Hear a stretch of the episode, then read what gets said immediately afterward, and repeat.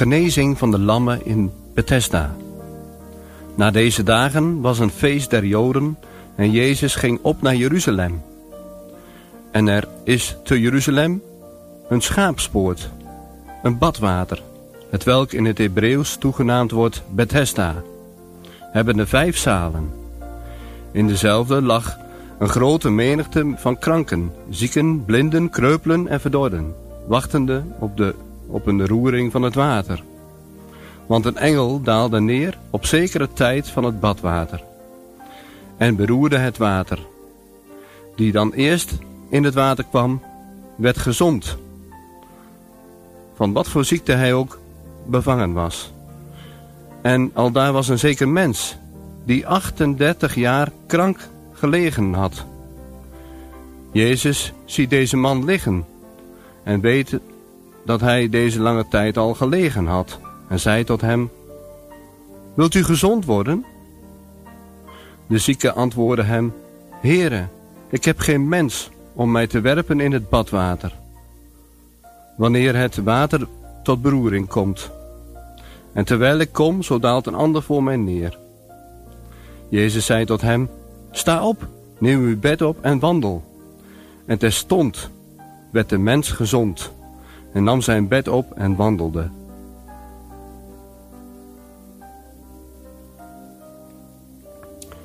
Leg je hand in zijn hand.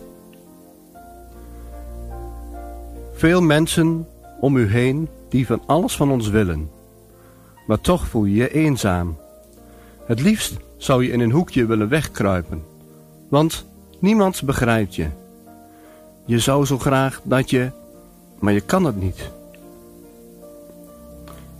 Er is een stil verdriet wat je niet onder woorden kunt brengen.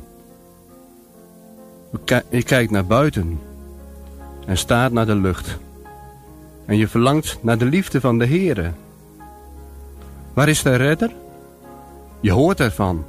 Je hebt ervan gelezen. Ja, het is je met de paplepel ingegoten. Maar wat is er toch gebeurd? Waarom dit stil verdriet? Mensen. Voor veel mensen is dit realiteit. Elke dag slepend naar de volgende dag. Denkend dat alle mensen hen afwijzen. En met het verdriet niet tot God kunnen gaan, omdat God hen toch te zondig zou vinden. Maar kijk naar die man, die al bijna 40 jaar bij het bad van Bethesda lag. Verlamd. Ook u, jij, bent misschien verlamd. Misschien niet op lichamelijk gebied, maar op geestelijk vlak. Dan zegt Jezus, sta op en wandel. Hij wil ook ons bij de hand pakken, om ons op te richten. We kunnen ook al tijden in de put zitten en zeggen, er is niemand die me helpt. Maar dan zegt Jezus, kom met al je pijn en gebrokenheid, verdriet en onbegrepenheid. Ik ben ook voor jou gestorven aan het kruis op Golgotha. Voor jou die denkt, ik ben zo zondig, ik heb zoveel verkeerd gedaan. Kijk ook naar Mozes. Hij sloeg zelfs een Egyptenaar dood. En toch mocht hij voor God prachtig werk doen. Kijk naar David. Hij pleegde overspel. Liet een moord plegen. Toch was David een man naar Gods hart. Kijk naar de moordenaar aan het kruis. Hij mocht, omdat hij zijn huil, heil zocht bij de zaligmaker, heden in het paradijs zijn. Ook voor ons is het offer van Christus gebracht. Hij wil bij je zijn. Geef je toch aan Hem over en laat alle ja-maars maar varen. Want Hij wil je helen van je verdriet en pijn. Het is alleen God die je begrijpt. Hij wil je zo graag Zijn liefde tonen. Daarom wil je nederig zijn van hart?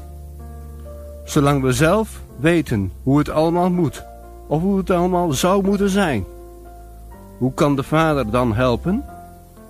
Daarom, stil zijn en laat Hem toe in je hart, zodat niet meer wij op de troon van ons hart zitten, maar God door Zijn geest kan werken en ons vernieuwen. Ja, dan hoeven we niet meer alleen door het leven te gaan.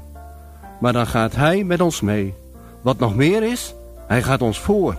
Op de weliswaar smalle weg naar het hemelse vaderhuis. Waar God alle tranen afwist en, en ze bewaart in zijn kruik. Kijk om u heen. Bekijk elkaar met liefde. Christusliefde.